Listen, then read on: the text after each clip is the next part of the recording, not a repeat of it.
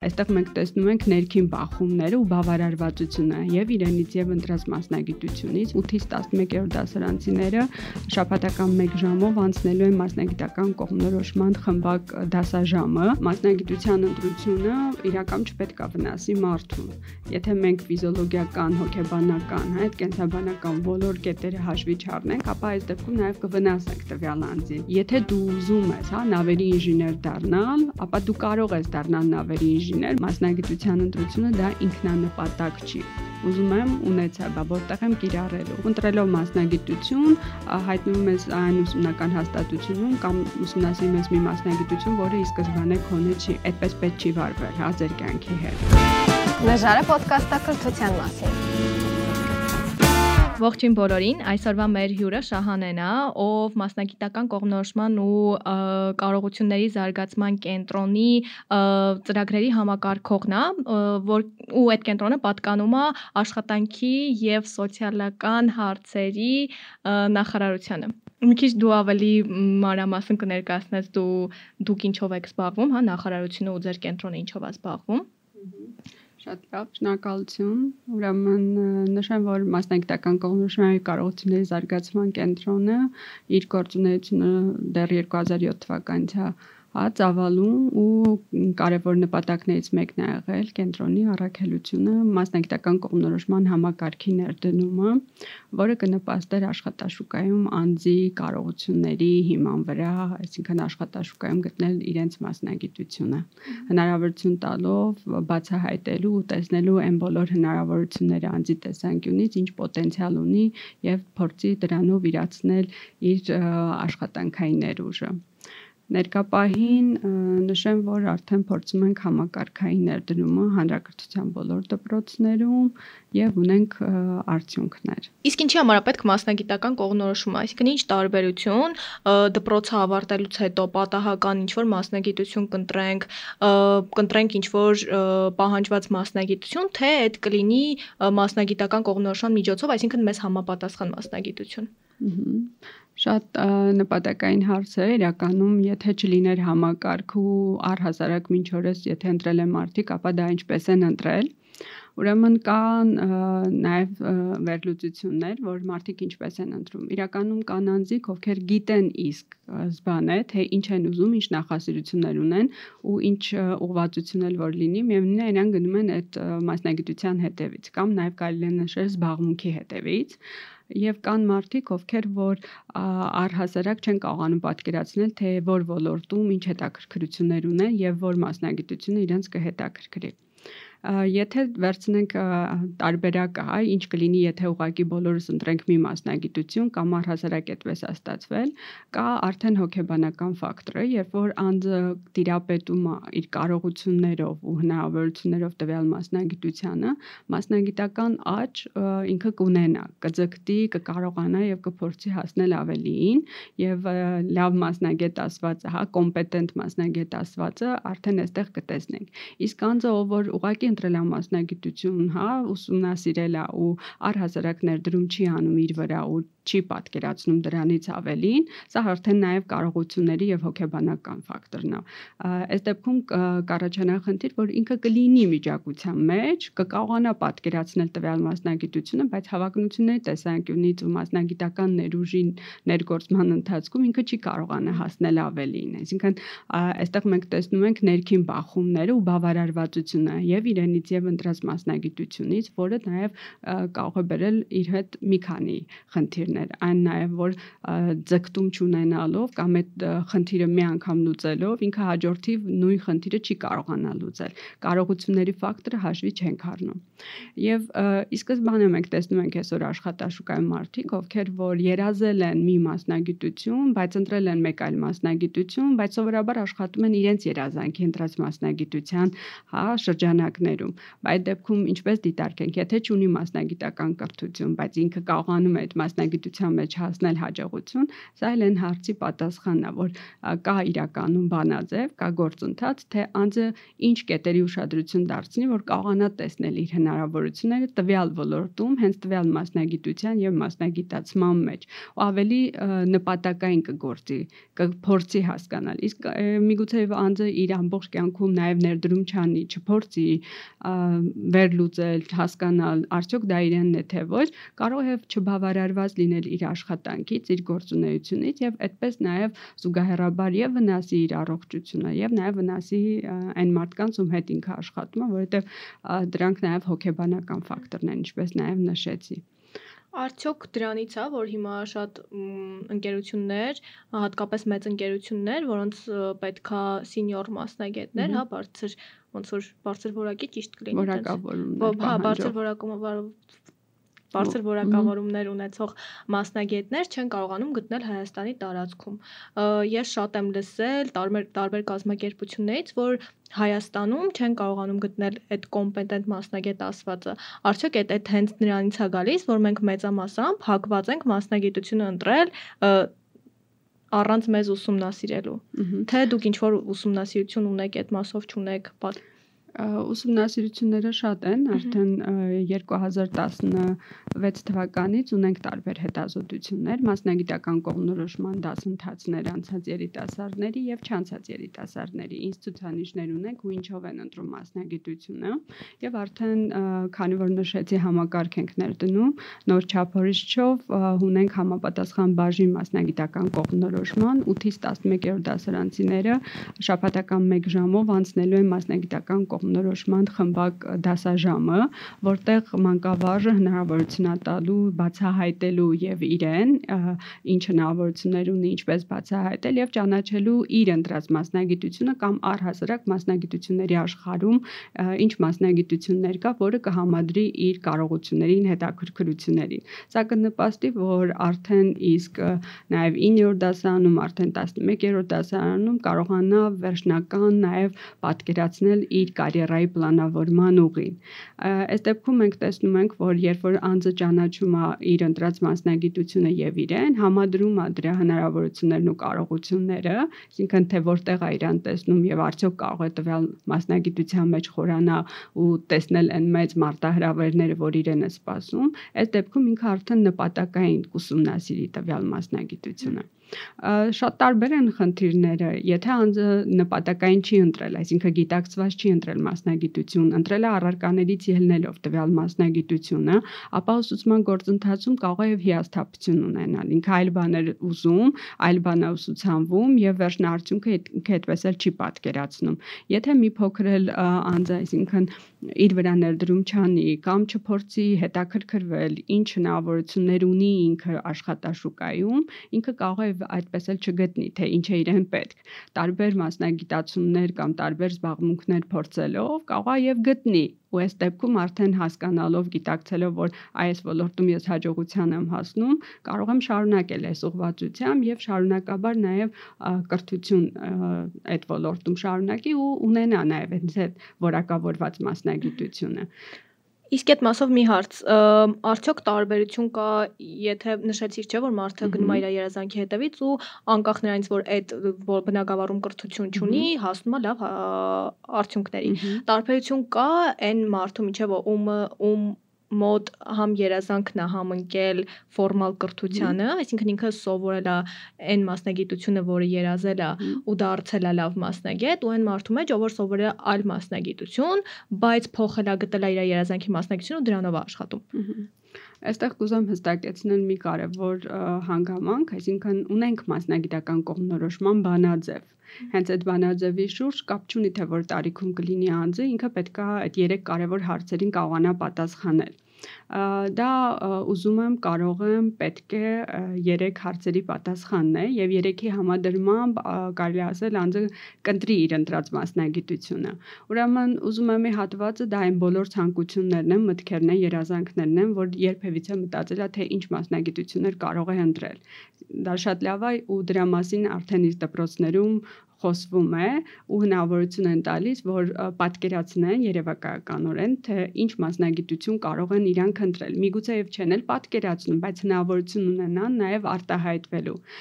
Երևի թե բոլորս էլ նաեւ հիշում ենք, երբ որ մենք փոքր ենք լինում ինչ ես դառնալու, հա, երբ որ մեծանաս, այդ հարցը ավելի արագ ենք պատասխանում ու կարողանում ենք նշել, թե ինչ ենք ուզում, բայց մեծանալով ռիսկերը հաշվի առնելով, գնահատելով, սկսում ենք խուսափել ու չենք կարողանում ասել, թե ինչ ենք ուզում։ Հաջորդ հարցը, որը որ տալիս է ուզում ենից հետո, դա կարող եմ նա կարողությունների շրջանակում դիտարկվում է այն բոլոր կետերը, որ քիչ առաջ նաև նշում էի, հա, ինչ կարողություններ ունի գիտելիքների շրջանակը, ֆինանսական, ֆիզիկական հնարավորություններով, արդյոք ինքը համապատասխանում է տվյալ մասնագիտությանը եւ մասնագիտության ընտրությունը իրական չպետք է վնասի մարդուն եթե մենք ֆիզիոլոգիական, հոգեբանական, հա, այդ կենսաբանական բոլոր կետերը հաշվի չառնենք, ապա այս դեպքում նաև կվնասենք տվյալ անձին։ Չէ՞ որ մասնագիտությունը նաև պահանջում է մի քանի հա պահանջներ, հնարավորություններ։ Արդյոք ես կարող եմ դա իրականացնել, թե ոչ, եւ այստեղ ցանկությունների զուգահեռ արդեն համադրում ենք իր երազանքի մասնագիտությունները, ցանկությունների մասնագիտությունները կարողությունների շրջանակում եւ յուրաքանչյուր մասնագիտություն, որը նշվում է ցանկության հիմքում, ապա վեր ենք լուծում բոլոր հենց կետերով գիտելիքների, հնարավորությունների, կարողությունների, ֆիզիկական հնարավորությունների տեսանկյունից համապատասխանում է թե ոչ։ Եվ երրորդ կետը, որը դուք նշեցիք, հա, աշխատաշուկա, աշխատաշուկայում չկա այնպեսի մի մասնագետ, որի կարիքը չլինի, բայց նաև իր մոտեցումներով, ագրեսիվ մոտեցումներով լավ մասնագետի կարիքը կա Այսինքն մենք տեսնում ենք ու դիտարկում ենք, որ մի կողմից կան առաջարկ, մի կողմից կա պահանջարկ, բայց կարող է միգուցե չի համալրվում տվյալ մասնագիտությունը։ Իսկ այստեղ պետք են դա աշխատաշուկայի պահանջարկն է։ Եթե ես գիտեմ ինչ եմ ուզում եւ գիտեմ թե ինչ եմ կարող, ապա այս դեպքում աշխատաշուկայում ես իմ տեղը կգտնեմ բացառության այն մասնագիտությունների, որ միգուցե եւ մեր երկրում դրա պահանջարկը չկա, բայց համաշխարհային տնտեսության տեսանկյունից իրականում նաեւ մենք դրան էլ ենք անդրադառնում, սա նրա համար, որ իրազեկ լինի, որ համաշխարհային տնտեսությունը եւս թելադրող է, հա, ներքին շուկային եւ փոքրի մեծի պատկերն է դիտարկվում, փոքրից գնում է մեծի, մեծից գալիս է փոքրի։ Այս դեպքում հնարավորություն ենք տալիս տեսնելու, որ եթե դու ուզում ես, հա, նավերի ինժեներ դառնալ, ապա դու կարող ես դառնալ նավերի ինժեներ, միգուցե ինժեներ պետք է մեր երկրին, բայց հենց կոնկրետ միայն այդ ուղղվածությունը միգուցե պետք չի հա բայց հնարավորություն ենք տալիս եթե դա քո երազանքն է եւ դու տեսնում ես որ այդ ոլորտը հենց այդ մասնագիտացումն է քեզ հետաքրքրում ապա կրթությունը շարունակելու ու նաեւ իմանալու քանի որ պետք է իր մեջ ներառում է համայնքի երկրի հա ընդհանուր միտվածությունը աշխատաշուկայի ինչա սպասվում մեզ մենք դա էլ ենք ներկայացնում որ ընտրես այդ մասնագիտությունը ապա որտեղ ես աշխատելու ինչ հնարավորություններ ունես ինչ ձեռքբերումներ ես ունենալու եւ ինչ ներդրումներ ես ունենալու քո համայնքում, քո երկրում եւ առհասարակ ինչ ես ուզում ստանալ։ Չէ՞ որ մասնագիտության ընտրությունը դա ինքնանպատակ չի ուզում եմ ունեցա, բա որտեղ եմ կիրառելու։ Այսինքն մի գործոնի բացառությամբ այն մյուս գործոնը արդեն կիսատ է լինում։ Ցանկալի է, որ այդ երեքի հատման կետը լինի։ Այս այն կարևոր հիմքն է, որ շարունակաբար մենք աշխատանքներ ենք տանում հանրակրթության ոլորտում, դպրոցներում, որ մանկավարժները եւ նաեւ մեր աշակերտները կարողանան ամբողջական պատկերացնել գործընթացը։ Ես նկատել եմ, որ մասնագիտություն ընտրելու ժամանակ, երբ որ երեխեքին պետքա կողմնորոշվել, մեծերը դասատուները, հա, ընտանիքի անդամները հիմնականում ասում են, հարցնում են, թե ինչ դպրոցական առարկաներից են ուժեղ եղել ու ըստ դրա են ոնց որ պատկերացնում մեր մասնագիտությունը, այսինքն եթե լեզուներից ես ուժեղ եղել, ուրեմն գնում ես Բրյուսով, եթե, չգիտեմ, մաթեմից ես ուժեղ եղել, ուրեմն գնում ես ծրագրավորում, բայց ես մի հատ բան եմ նկատել, որ միշտ չի որ այդ ուժեղ կետը, ոնց որ դպրոցի հետ կապված ուժեղ կետը, իրականում իրան արդարացնում է, երբ որ սկսում ես մասնագիտություն սովորել, ու մի հատ սեփական նկատառ բան եմ նկատել, որ լրիվ տարբեր է ինձ ինչ որ բան հետաքրքիր է սովորելու տեսանկյունից, թե ես ուզում եմ դրանով աշխատեմ, որովհետև սովորելու տեսանկյունից ինձ շատ բան է հետաքրքիր ու ես լիքը բան կարամ յուրացնեմ ոնց որ հետո բայց կիրառելու ու հենց իր աշխատանքային process-ի մեջ կարող խնդիրներ առաջանան, այսինքն, չգիտեմ, դիցուկ ես շատ ակտիվ եմ, բայց իմ աշխատանքը պետքա ամբողջ օրը նստած լինի, ու ստեղ ոնց որ բախում ա լինում, սովորելուց ինձ այդ հետաքրքիր էր, բայց աշխատելու ոճի տեսանկյունից ինձ դուր չի գալիս դա։ Բա այդ ոնց է լուծվում տեսեք, նոր նշեցի, հա, ուզում եմ կարող եմ պետք է բանաձևը, դու ներկայացրեցիր կարողությունների սահմանից գնահատումը։ Ցանկությունները թողվել է մի կողմ, կարողություններով երկար ժամանակ հենց ես էլ եմ ընտրել կարողությունների սահմանով մասնագիտություն, որ որ առարկաներն է քեզ մոտ ավելի հեշտ ստացվում, որով դու կարող ես առաջ գնալ, ընտրելով մասնագիտություն, հայտնվում ես այն ուսումնական հաստատությունում կամ ուսումնասիրում ես մի մասնագիտություն, որը ի սկզբանե քոնը չի։ Ես կարող եմ նաև նշել, ես ինքս էլ այդպես եմ ընտրել ու մի գուցե եւ համընկնելով իմ նպատակի ու իմ ունեցած փորձի հետ, փորձել եմ համակարգ ներկայացնել ու ցույց տալով, որ այդպես պետք չի վարվել, հա, ձեր կյանքի հետ։ Փորձեք ընտրել մասնագիտություն, որը այո կարողությունների սահմաններում թույլ է տալիս, բայց ցանկությունը եւս պետքա լինի։ Քանի որ նշեցի հոգեբանական ֆակտորը, հա, առանձնահատկությունները անձնային, ապա պետքա տեսնենք թե ես ինչ ինչ տիպի եմ պատկանում այդ անձնային առանձնահատկություններն ու տիպը մասնագիտական կողմնորոշման համակարգում ունենք հենց անձնային տիպը բնութագրող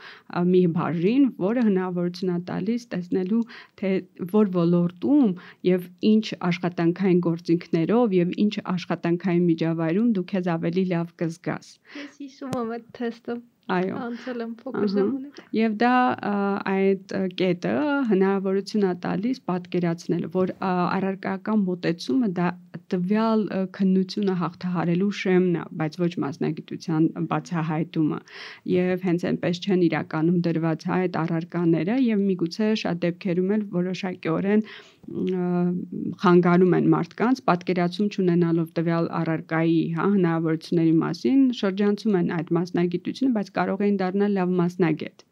վախենալով կամ քննություններից կամ առարկայի բարդությունից իրանք չեն փորձում դա տեսնել։ Դա կարող է նաև օրինակ հիմք հանդիսանալ, երբ որ անձը ուզում է դառնալ բժիշկ, շատ դեպքերում ասում են, բայց ես վախենում եմ, հա, վիրահատությունից կամ այրուն եմ տեսնում, վախենում եմ։ Արդյոք բոլոր բժիշկներն է, որ պետք է զբաղվեն վիրահատությամբ եւ վիրահատություն են անում։ Այնտեղ կան հազարավոր մասնագիտացումներ, որոնք կարող է ընտրել եւ առհասարակ աշխատել այդ ոլորտում, հա, գրելով համազգեստը, բայց ինքը վիրա վիրահատություն չիրականացնի, աշխատի սարքավորումների հետ։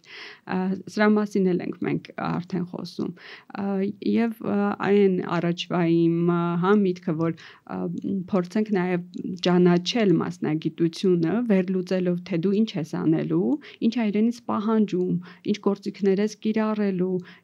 ինչպես ես դրանք փորձելու, հա, հետագայում նաև զարգացնելու քո ներուժով, ինչ միջավայրում ես լինելու,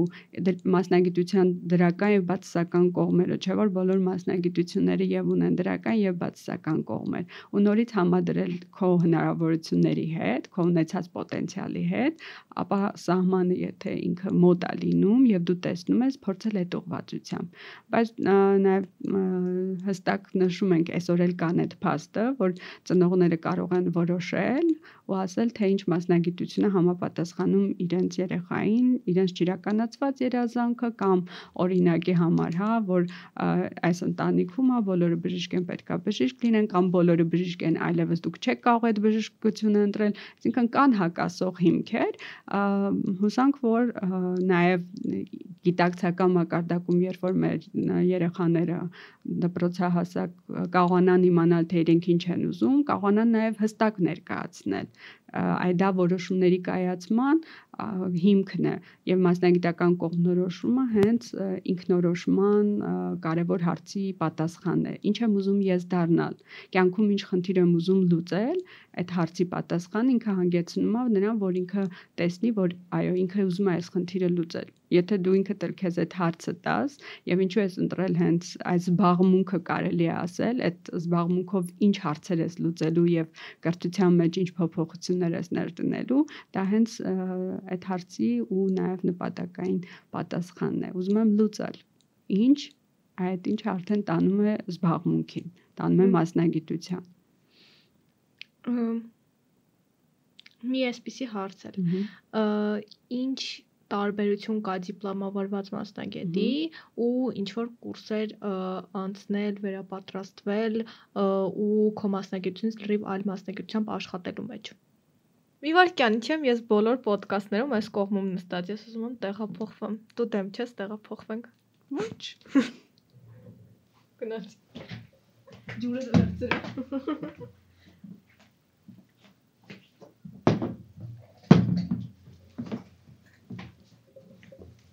Իրականում կեսից հասկացանք, որ միկրոֆոնը խշում է ու պատճառն այն է, որ Շահանեի մոտ մեծ երկաթ կա դրված ու այս մի կողմից ավելի չխշացող է, հա ոնց է ճիշտ ձևակերպել։ Ու դրա համար մենք տեղերով փոխվեցինք, որ ոդկասթը կարողանանք շարունակել սանց բաներ։ Ֆորմալից սկսենք ֆորմալ կրթություն իրավունք ունեն իրականացնելու այն հաստատությունները, որոնք ունեն նախարարության կողմից համապատասխան լիցենզիան,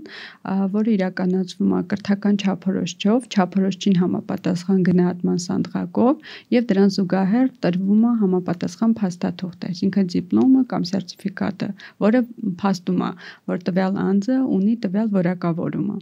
Իսկ ոչ ֆորմալի դեպքում ապա նույնպես իրականացվում է այդ գործընթացը, այսինքն կա կրթական չափորոշիչը, չափորոշիչին համապատասխան ժամանականակը, բայց գնահատման մեխանիզմները դեռ այդտեղ հստակ դրված չեն։ Այսինքն կարող է տրվել սերտիֆիկատ, որը վկայում է, որ տվյալ ժամանականակում յուրացրել է տվյալ մոդուլը կամ ծրագիրը, բայց գնահատման մեխանիզմ չկա։ Շատ քիչ երկրներում է, որ ոչ ֆորմալից կարող է անցնել ֆորմալ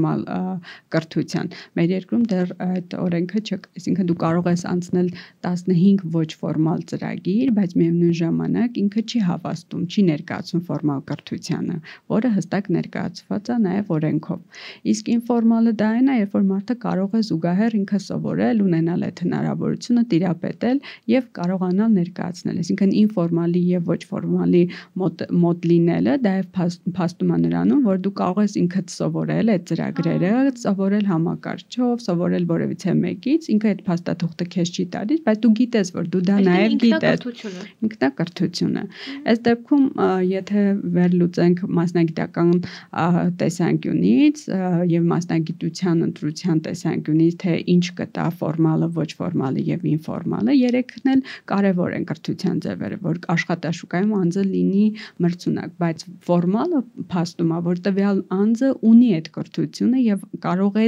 կիրառել եւ ունի մասնագիտական հմտություններ։ Այնտեղ էլ ունի, բայց օրենքի սահմաններում, այսինքն այդ փաստաթուղթն է հիմք հանդիսանում, որ ինքը ունի տվյալ կրթությունը։ Եվ առհասարակ ոչ ֆորմալ կրթությունը, որ նշում են կարող է ձեռք բերել, դա դեռ չի նշանակում, որ բոլոր մասնագիտությունների դեպքում ինքը կարող է կարճաժամկետ ուսուցում անցնել եւ ունենալ տվյալ մասնագիտության հիմքը։ Այսինքն սահմանափակումները օրենքով է տրվում եւ դրանք որ մասնագիտություններն են, ապա դրանք արդեն ներկայացված է հենց օրենքով եւ նախարարության կողմից։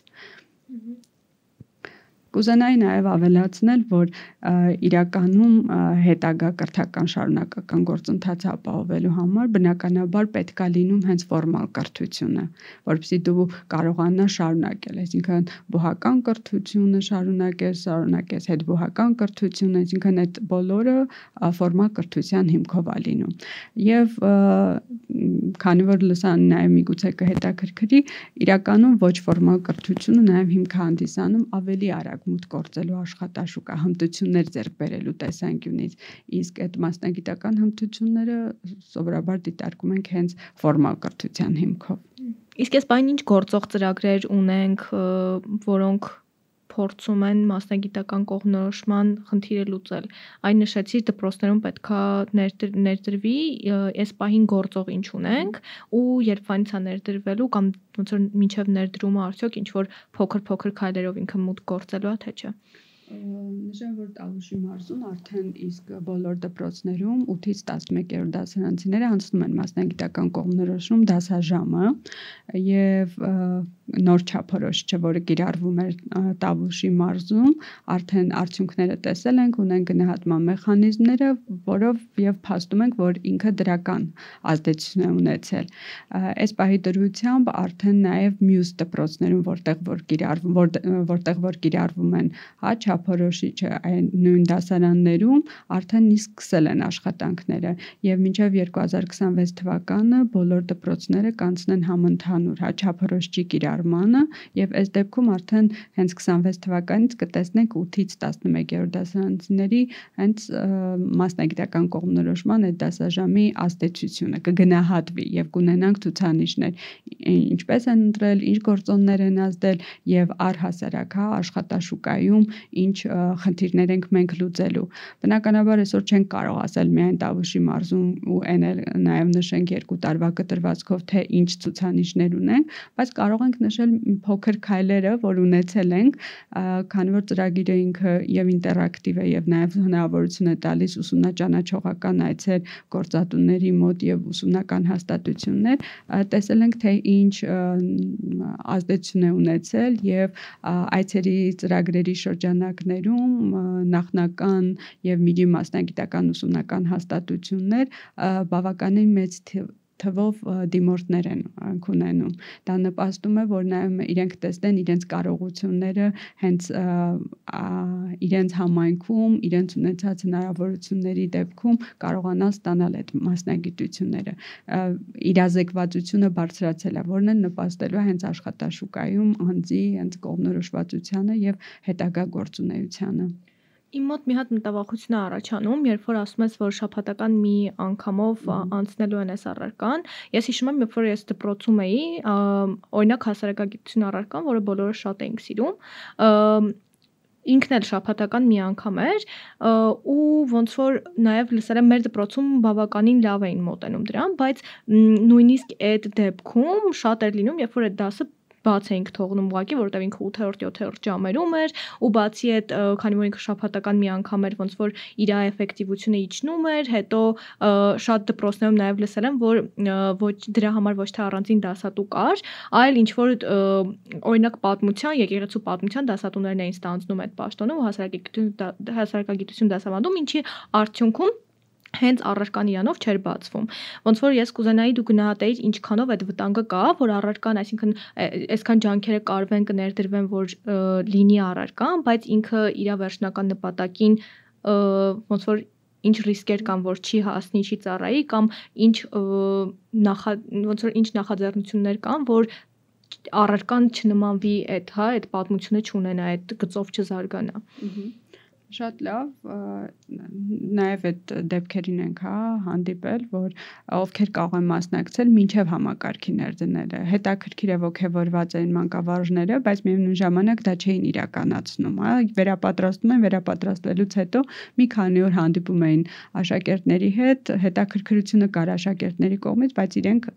չէին շարունակում։ Քանի որ նու վերահսկելի է, ծրագրով ինքը դասացուցակում արդեն իսկ ներառված է եւ երկրորդիվ նշեմ, որ հենց առարկա դասաժամը մասնագիտական կողմնորոշման ինքը չի գնահատվում եւ ծրագիրը ամբողջությամբ հետա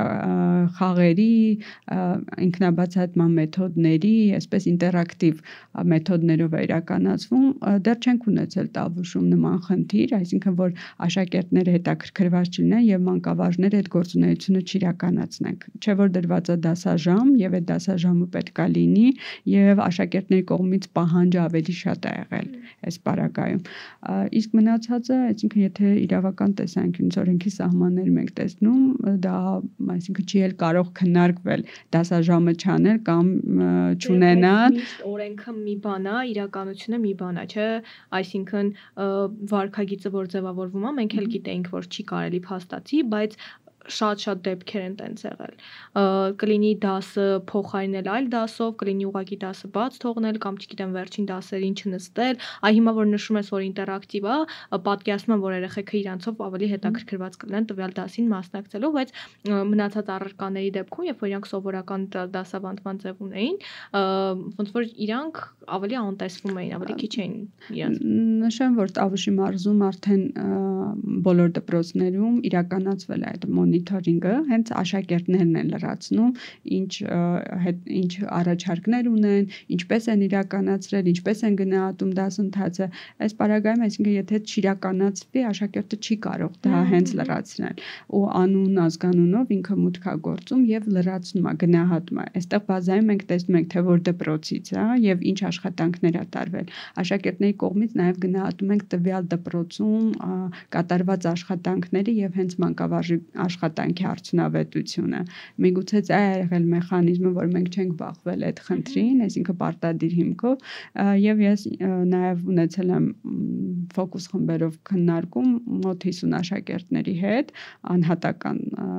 փորձել եմ վերհանել թե ինչ խնդիրների են բախվել եւ արդյոք հետաքրքիր է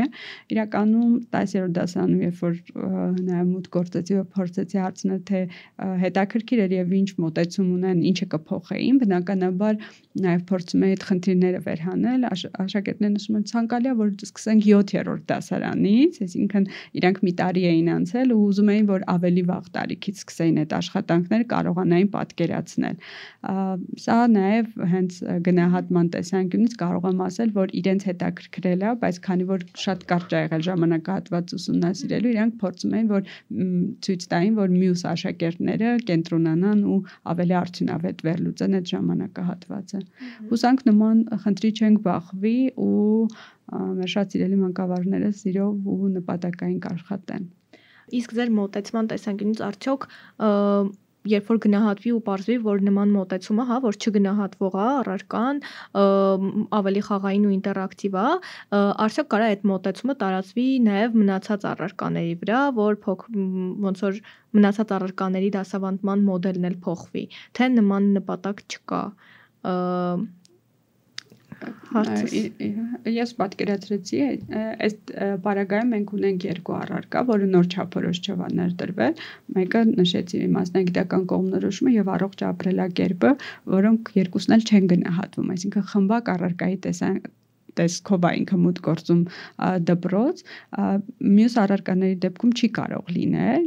Իհարկե մենք էլ ունենք չափորոշիչ, թե ինչ դասաժամի ինչ արդյունք պետք է ստանան, բայց մեկ այլ բան է, երբ որ դու նշում ես մարդը սահմանի ինչա մասնագիտություն, մասնագիտացում զբաղվում, բայց ինքը չընտրի մասնագիտություն, այսինքն դա գնահատելի չէ Այսինքն մարդու կյանքի գործունեության համար տրված տեղեկատվությունը գնահատելի չի, երբ որ ինքը քեզ կվերադարձնի։ Բայց հիմա մշակում ենք որոշակի մեխանիզմներ, թեկուզ եւ կարողանա ունենա պորտֆոլիո իրան ու մենք տեսնենք թե ինքը ինչ արդյունքներ է արձանագրել եւ ինչ ցուցանիշներ ունի։ Չէ որ 9 դասանից հետո անձը կարող է որոշում կայացնել գնալ ավակ դպրոց, գնալ ուսումնարան թե քոլեջ, այ երբ որ ինքը գնում է, այնտեղ էլ է շարունակում իր կարիերայի պլանավորումը քոլեջներում եւ ուսումնարաններում եւս ունեն կարիերայի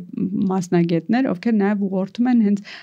մասնագիտություն ընտրելուց հետո ավելի արագ մուտք գործեն աշխատաշուկա եւ ներկայացնեն թե ինչ պահանջներ ունի աշխատաշուկան եւ այդ պորտֆոլիոն տանելով ինքը նաեւ հնարավորություն ունենա ցույց տալու թե ինչքան է անցել ծրագիրը եւ հետագա ինչ աշխատանքներ եւս պետք է իրականացնել այսինքն ազդեցությունը կգնահատենք բայց ոչ թիվ կտանք թե ինքը ինչքանով է տիրապետում սա այն հարցն է, որ ի սկզբանե ես նույնպես դեմ էի, որ ինքը գնահատվի, ինքը գնահատելի չի։ Նույն հասարակագիտությունը, այսինքն իրանալով իր հնարավորությունները, իրավունքը սահմանում է, բայց եթե դա չի կիրառում ու չի պահում, եւս մտածելու տեղիք է տալիս, ինչպես գնահատել նման առարկաները։ Ահա իսկ այն սերունդը, որը արդեն դուրս է մնացել ոնց որ այդ կրթական բանից ու մինչև 26 թիվ չի հասցնի մասնագիտական կողմնորոշման դասեր անցնի, անհատի տեսանկյունից, հա, իրանք ինչ կարան անեն, իրանց ոնց որ ինչ գործողություններ կարան ձեռնարկեն նրա համար, որ իրանք գնան բու մասնագիտա մասնագիտապես կողմնորոշված, հա, ճիշտ ձևակերպեցի։ Մասնագիտություն ընտրան, այսինքն եւ կողմնորոշված լինեն, թե որ ոլորտն է իրենց համապատասխանում մասնագիտական առումով։ Այս դեպքում, ինչպես նշեցի, որ ցանկացած տարիքում պետք է ինքը տեսնի ուզում եմ կարող եմ պետք են, իսկ եթե չկա մի հաստատություն, որ իրեն ուղղորդի եւ ներկայացնի, ապա անձը պետք է ինքը իր իր հետ աշխատի ու տեսնի թե ինչ է ուզում։ Ճանաչի բոլոր մասնագիտությունները, վերլուծի իր պոտենցիալը, հնարավորությունները։ Այս դեպքում, եթե համակարգային ենք դիտարկում, նշեցի դպրոցում արդեն այս խնդիրը լուծել ենք։ Եթե ինքը քոլեջում է, մենք տեսնում ենք կամ ուսումնարանում մենք տեսնում ենք կարիերայի պատասխանատուների ներդրումը, որ միգուցե եւ նաեւ նպատակային չի ընտրել, այսինքն գիտակցված չի ընտրել, նա էլ կարող է լինել, ապա այս դեպքում էլի մասնագետը պետք է աշխատի հնարավորություն տալու, ասելով դու ունես այս մասնագիտությունը, բայց կարող ես հարակից դիտարկել եւս մի մասնագիտություն, որը կարող է լինել քո սիրելին, քո կարողությունների հա, շրջանակում։ Եվ ունենք միասնական սոցիալական ծառայությունը, որը նաև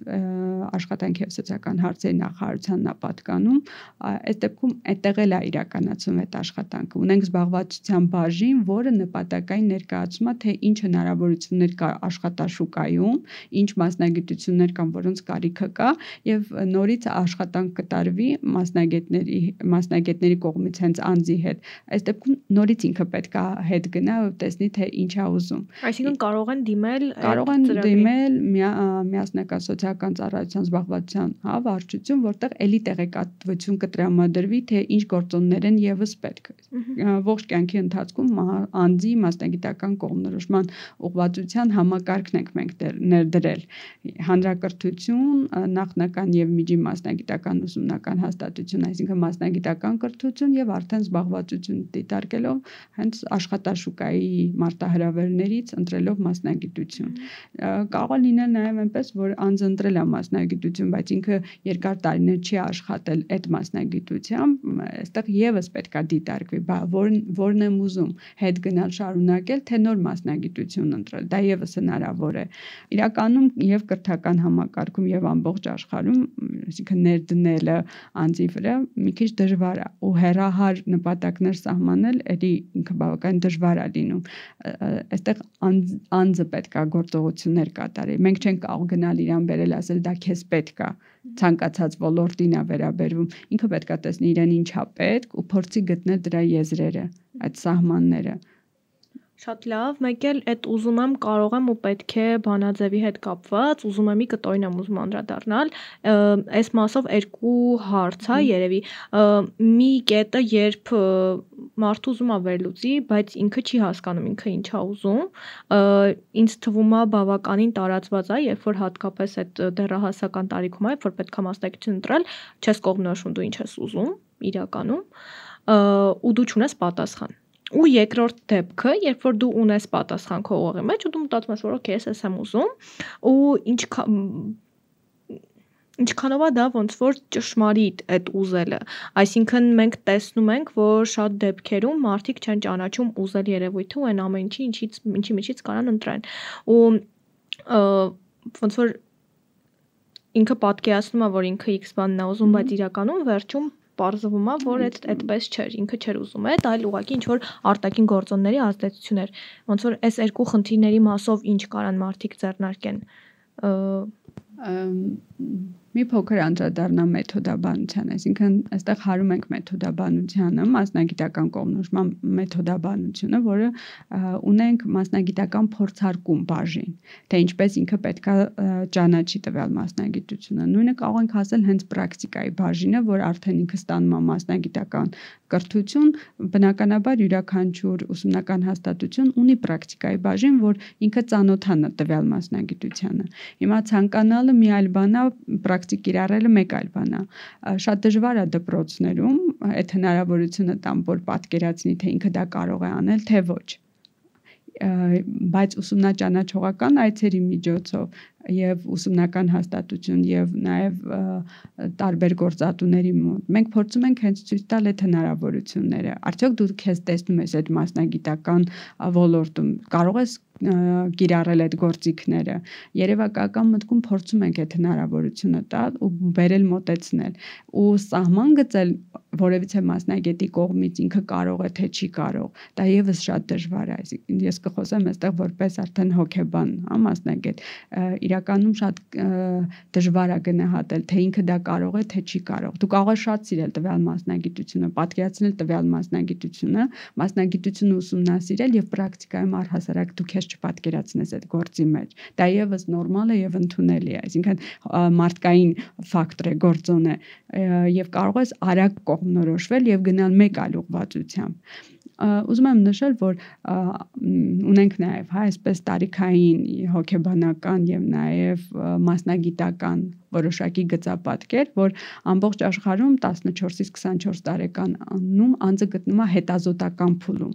եւ 10 աշխատատեղ ինքը կարող է փոխվել փոխել այդ տվյալ տարիքային փուլում հասկանալու թե ինքը ինչ է ուզում դա շատ նորմալ է իսկ մեր մոտ եթե մենք դիտարկենք մեր կրթական համակարգը 14-ից հետո ընտրում է ավագ դպրոց թե գնում է նաեւ մասնագիտական ուսումնական հաստատություն այստեղ եւս մտածելու տեղիք է տալիս որ 18 տարեկանում ինքը դեռ ավագ դպրոցում լինելով դեռ ուսումնասիրություններ է կատարում, բայց ոչ մասնագիտության ուսումնասիրություն մտածելու տեղի քա տալիս, եթե մի հատ էլ ինքը գնում է բարձրագույն ուսումնական հաստատություն կամ գնում է քոլեջ, ելի մտածելու տեղի քա տալիս, ինքը արդյոք աշխատանքային գործունեության մեջ եղել է թե ոչ, թե սպասում է ավարտի հետո նոր պատկերացնի։ Եվ նույն 24 տարեկանում ինքը կարող է ավարտել ուսումնական հաստատությունը, բայց այդպես էլ չճանաչելով աշխատաշուկայի մարտահրավերները եւ ընդհանրապես չունենալով հա աշխատանքային փորձ։ Իսկ հետո ինքը արդեն նաեւ տարիքային փուլը անցնելով տեսնելով ասում է բայ ես որտեղ եմ պիտանի ինչ կարող եմ անել այդ կուզենամ որ մեր երիտասարդները նաև կարողանան պրակտիկայում փորձել դրսևորել եւ ցանկացած աշխատանք փորձելով կամ ուսումնասիրելով կարողանան հասկանալ թե իրանց ինչ է համապատասխան, ինչ է ուզում։ Եվ այստեղ էլի այդ հարակից բոլոր հմտություններն ու հնարավորությունները օգտագործելով հենց իր համար ինքը կարողանա տեսնել։ Բացարձակ մոտեցում չեն կարող ունենալ, որ եթե նույնիսկ ինքը սիրել է եւ 9 տարի ուսումնասիրել է, հա, վիրաբուժությունը բժշկական գործը, չի բացառվում, որ ինքը կգնա եւ կմշակի այլ աշխատանք կոնկրետ մեթոդաբանություն մշակի առողջապահության ոլորտում դա ընդունելի է ինքն անձը կարող է այդ պահին իր նախասիրությունների հետաքրքրությունների շրջանակը եւս այլ ուղղվածությամբ դրսևորվի եւ հոգեբանության մեջ նաեւ տարիքի հետ մասնագիտական կողմնորոշման հոգեբանության մեջ մենք տեսնում ենք որ տարիքի հետ նախասիրություններն ու հետաքրքրությունները կարող են եւս փոխվել դու կարող ես աշխատել, դրսևորել, ունենալ բավական մեծ հաջողություններ, իսկ կարիերայի տեսանկյունից եւս մեկ ուղություն ընտրել եւ շարունակել մեկ այլ ուղղվածությամբ, որտեղ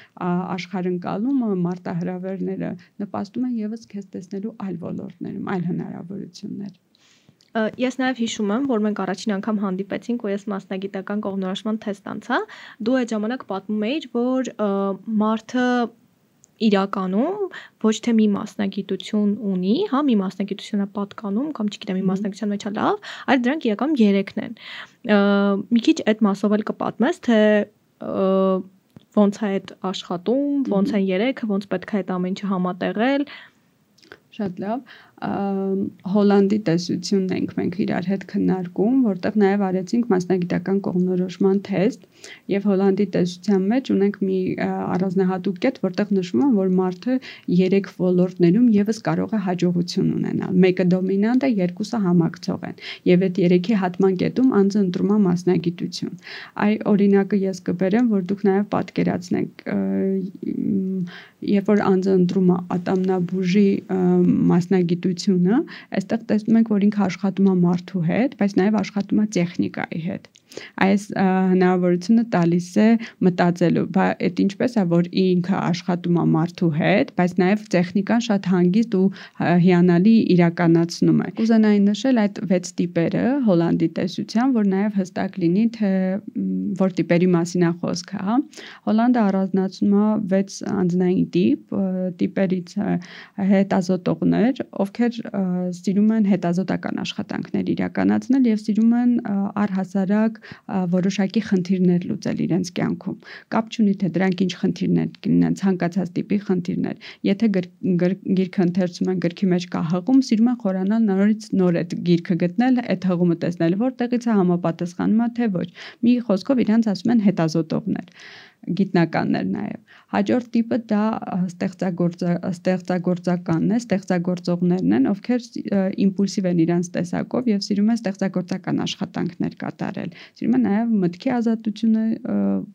իրանց սահմանափակումներ չեն սիրում, որտեղ ունեն ասելիք եւ պետքա տվյալ ժամանակահատվածում իրանք հասեն։ Հաջորդ տեսակը դա սոցիալականն է, հասարակականն է, այն մարդիկ են, ովքեր սիրում են հոգ տանել դիմացինի մասին, այսինքն մարդ-մարդ տիպն է, այսինքն դիմացինի բարեկեցությունը ավելին է, քան սեփական շահը։ Ուզում եմ նաև նշել, որ Հոլանդը առանձնացրել է եւս մեկ տիպ ձեռներեցությունը, ձեռներեցի հատկանիշներով, հա, պայմանավորված։ Իհարկե սա մասնագիտություն չի, որ մենք նշենք, բայց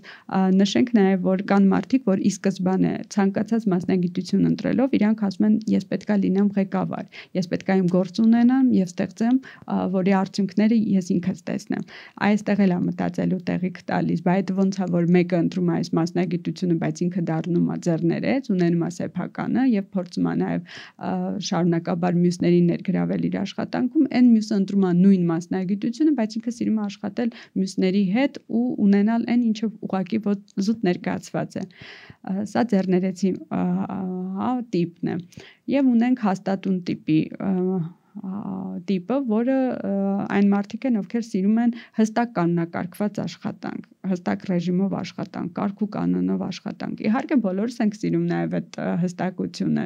եւ ժամային եւ աշխատանքային, բայց իրենց համար հստակ սահմանումներ եւս իրենք են ներկայացնում իրենց աշխատանքում։ Կարող է եւ գրված չի, բայց դասակարգված է ամեն ինչը։ Այս տիպին են պատկանում նաև հաշվապահները։ Հա գիտեն ամեն օր ինչ են անելու, ամսվա կես ինչ են անելու, երբ են անելու, ինչ ինչերի հետ են աշխատելու եւ այդ բազաները հստակ կարողանում են պահել եւ վերջի տիպը այստեղ նաեւ արեստագործական տիպն է, իրատեսական տիպը, այն մարդիկ են, ովքեր սիրում են ձեռքերով աշխատանք, հա, եւ իրենց ողջ գործունեությունում պատրաստել։ Մինչ մյուսները կասեն, եկեք անենք, տեսնենք թե ինչ ցուցանիշներ ենք ունենում, իրենք ասում են արդեն պատրաստ է։ Այսինքն ցույց են տալիս զուտ կատարված աշխատանքի վերջնաարդյունքները։ Եվ այս տիպաբանությունից ելնելով, հենց այդ թեստում նաեւ 3 այսպես կետեր իրար միավորելով ստանում են հենց անձնային տիպը։ Եվ ուզում եմ արդեն նշել, որ մի տիպով չի պայմանավորված անձի ընտրությունը եւ երբ որ յուրաքանչյուր անձ իրեն հաց տա բա էլ ինչ եմ սիրում էլ ինչ է լավ կստացվի ինձ մոտ ինքը կստանա իր հարցի պատասխանը մեկը ուղակի ստացել է կրթությամբ մյուսը իրականացնում է որովհետեւ փորձել է եւ տեսել է իր մոտ ստացվում է եւ փորձում է այդ աշխատանքը կատարել այն մյուսը ասում է ինձ ասեցին որ դա կարող ես եւ փորձեցի եւ արդեն իսկ տիրապետում եմ եւ այդ երեքի հատման կետը հենց այդ մասնագիտությունն է։ Կուզանայի այստեղ բերել նույն այդ օրինակ ատամնաբուժի, ինքը աշխատում է մարդու հետ, ինքը աշխատում է տարբեր գործիքներով եւ այստեղ վեր, վերլուծելով իհարկե մարդու հետ է աշխատում, բայց նաեւ աշխատում է եւ տեխնիկայի հետ, որը մտածելու տեղիք է տալիս, որ ուրեմն իր մոտ նաև հա տեխնիկան կիրառելը եւս հետաքրքիր է թե ինչ գործիքներ է կիրառելու եւ ինչ ազդեցություն է ունենալու մարդու կյանքում կարևորը լինի մարդու համար բարեկեցիկ բայց միևնույն ժամանակ իրան դուր են գալիս այդ գործիքները այդ տեխնիկան կիրառել եթե նույն ոլորտի մեջ դիտարկենք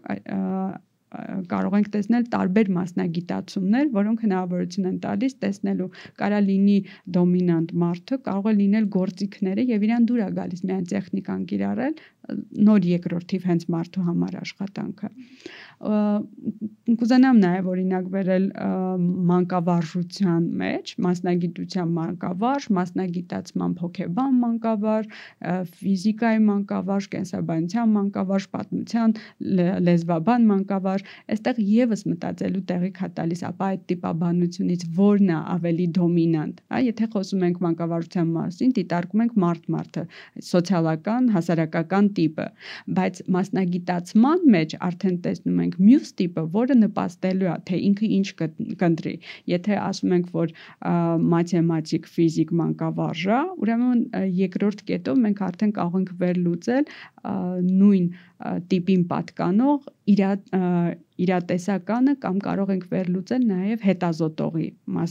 տիպը, որը կբերի եւ հնարավորություն կտա թե կընտրի ֆիզիկան, թե կընտրի մաթեմատիկան, թե կընտրի կենսաբանություն, այսինքն մյուսները հնարավորություն են տալիս տեսնելու թե որն է դոմինանտ իր մոտ։ Իհարկե մարդն է, բայց հարակից մյուս երկուսից եւս ինքը համադրում է եւ ընտրում է իր մասնագիտությունը։ Նույնիսկ լինում են փորձել կարծում եմ կհետաքրքրի, որ դա վերապատրաստման ժամանակ մանկավարժների հենց թեստը կիրառելով ես իրենց հարցնում եմ մանկավարժությունը սիրելով եք դուք աշխատում դպրոցում, բայց ոչ ձեր իսկ ընտրած մասնագիտությունը, ասում է այո։ Այստեղ տեսնում ենք, որ հասարակականը, այսինքն սոցիալականը բավականին բարձր ցուցանիշ է։ Իսկ իր ընտրած մասնագիտությունը, որը հարակից է օրինակ իրատեսական ավելի ցածր ցուցանիշ է թվային ցուցանիշներից եւ իրեն հարցնելով դուք բավարարված եք ձեր աշխատանքից այո ես բավարարված եմ որովհետեւ մարդուն ասիրում եւ իր ներդրումը կարող է բայց զուտ միայն իր մասնագիտությունը որ դիտարկում է հա ֆիզիկայի կամ քիմիայի կամ հայոց լեզվի այնքան էլ բավարարված չի մարդուն սիրելով է ինքը մնում դպրոցում որովհետեւ ասելիք ունի հա օրինակ այն դեպքը երբ որ շատ լավ մաթեմատիկայի տիրապետող դասատու ես ունենում բայց չի կարողանում քեզ բացատրի կամ չգիտեմ երեխեքի ու այդ դասատուի կոնտակտը լավ չի ստացվում եւ այդ դեպքի հետ է չէ այսինքն իրանց մոտ այդ դոմինանտ մարդ մարդը լավ չի նու կարող ենք ասել ավելի ցածր ցուցիչ է դիտարկվում որովհետեւ եթե ինքը խորանում է իր մասնագիտության մեջ կախված թե ինչն է իրան բավարարում չէ որ մենք մասնագիտության մեջ նաեւ այդ ներքին բավարարվածության հիմքն ենք տեսնում քո կատարած աշխատանքից կարևոր չի որ ուրիշները գնահատեն դու լավ կատարեցիր թե ոչ այսինքն դու ինքդ ես գնահատում ես կարողացա հասնել հաջողության ես կարողացա կատարել այդ աշխատանքը այդ դրա մասին է խոսքը որ ինչից է ինքը կարողանում ստանալ այդ փոքրիկ ազդակները դրական ու դա կարող է եւս նպաստել որ ինքը պատկերացնում է բայց ուսուցման գործընթացում իրան չի պատկերացնում որպես մանկավարժի այդ դրա մասին է հենց խոսքը շատ ճիշտ է իսկ հոլանդի թեստը on-line հասանելիություն ունի կարան մարդիկ ուղակի հիմա ինտերնետով poisk տան Google-ով post Այո, մեր կայքում mycareer.am կայքում դրված է, պարզապես պետք է մուտք գործեն, այնտեղ գրանցվեն, որպեսզի իրենց էլեկտրոնային հասցեին թեստ անցնելուց հետո այդ պատասխանները իրենց փոխանցվի։ Պարզապես կնշեմ, որ թեստ թեստը իհարկե կարող են անցնել եւ լրացնել, բայց պետք է մասնագետ, ով որ կբացատրի թե ինչ կստանան, հա։ Մենք դա օգտագործում ենք ուսումնաօժանդակ նյութ, այսինքն կատարելուց հետո մոտենան մասնագետին, որի արդյունքում իրանք կկարողանան ստանալ տվյալները, թե ինչի մասին է խոսքը, այդ երեք տիպերը ինչին են վերաբերվում։ Իսկ ինչ որ ուղեցույց կա, որ կարող են իրանք ուսումնասիրել ու փորձել վերլուծել ու հասկանալ ինչի մասին է, թեկուզ ոչ այն խորությամբ ոնց որ մասնագետ մասնագետը կվերլուծեր, բայց գոնե նախնական, այսինքն գոնե մակերեսային ինչ որ պատկերացում կազմեն, թե ինչ մասին է թեստը։ Թեստը բավականին հա շուտ է տեղադրվել կայքում, կա եւս ուղեցույց յուրաքանչյուր բաժինը ինչի համար է նախատեսված եւ ինչպես են անցնում, այդ հնարավորությունը կա դետալ առ դետալ ներկայացված է պարզապես կարծում եմ որ ինչքան էլ որ հա այդ ազդեցությունը լինի ինքնուրույն վերլուծելու բայց կա մոտեցում հոգեբանական այնտեղ եւ նույնիսկ այն դեպքում երբ որ անձը ցանկանում էր ընտրել այլ մասնագիտություն բայց իր մոտ թեստի ավերլուծությունից կբերի այլ պատասխաններ ինքը ներքին կոնֆլիկտ կունենա ինչպես թեստը չի որ ինձ կասի կամ էս ինչա որ էսպես է լինում եւս քննարկման կարիք միշտ լինում է ուզում եմ նշել որ թեստերի հետ կապված բնականաբար մեթոդաբանության մեջ մենք ունենք ներառված թեստեր անձի խառնվածքային տիպը բացահայտող եւ նաեւ եւս մեկ թեստ գլիմովի թեստը, որը Հոլանդի թեստի ավելի հակիրճ եւ բարձրացված տարբերակն է։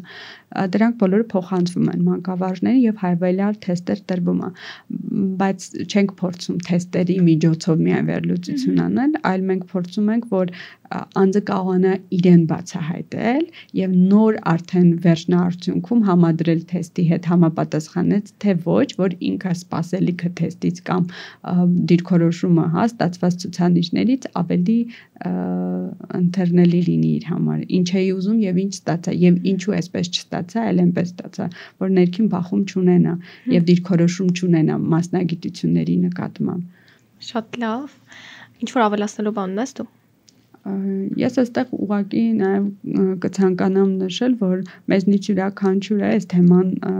քննարկելով եւ ներկայացնելով առհասարակ դիրքորոշում չպետք է ունենանք որևիցե մասնագիտության նկատմամբ։ Իսկ այդ դիրքորոշումը դեռ մենք տեսնում ենք այսօր հասարակությունում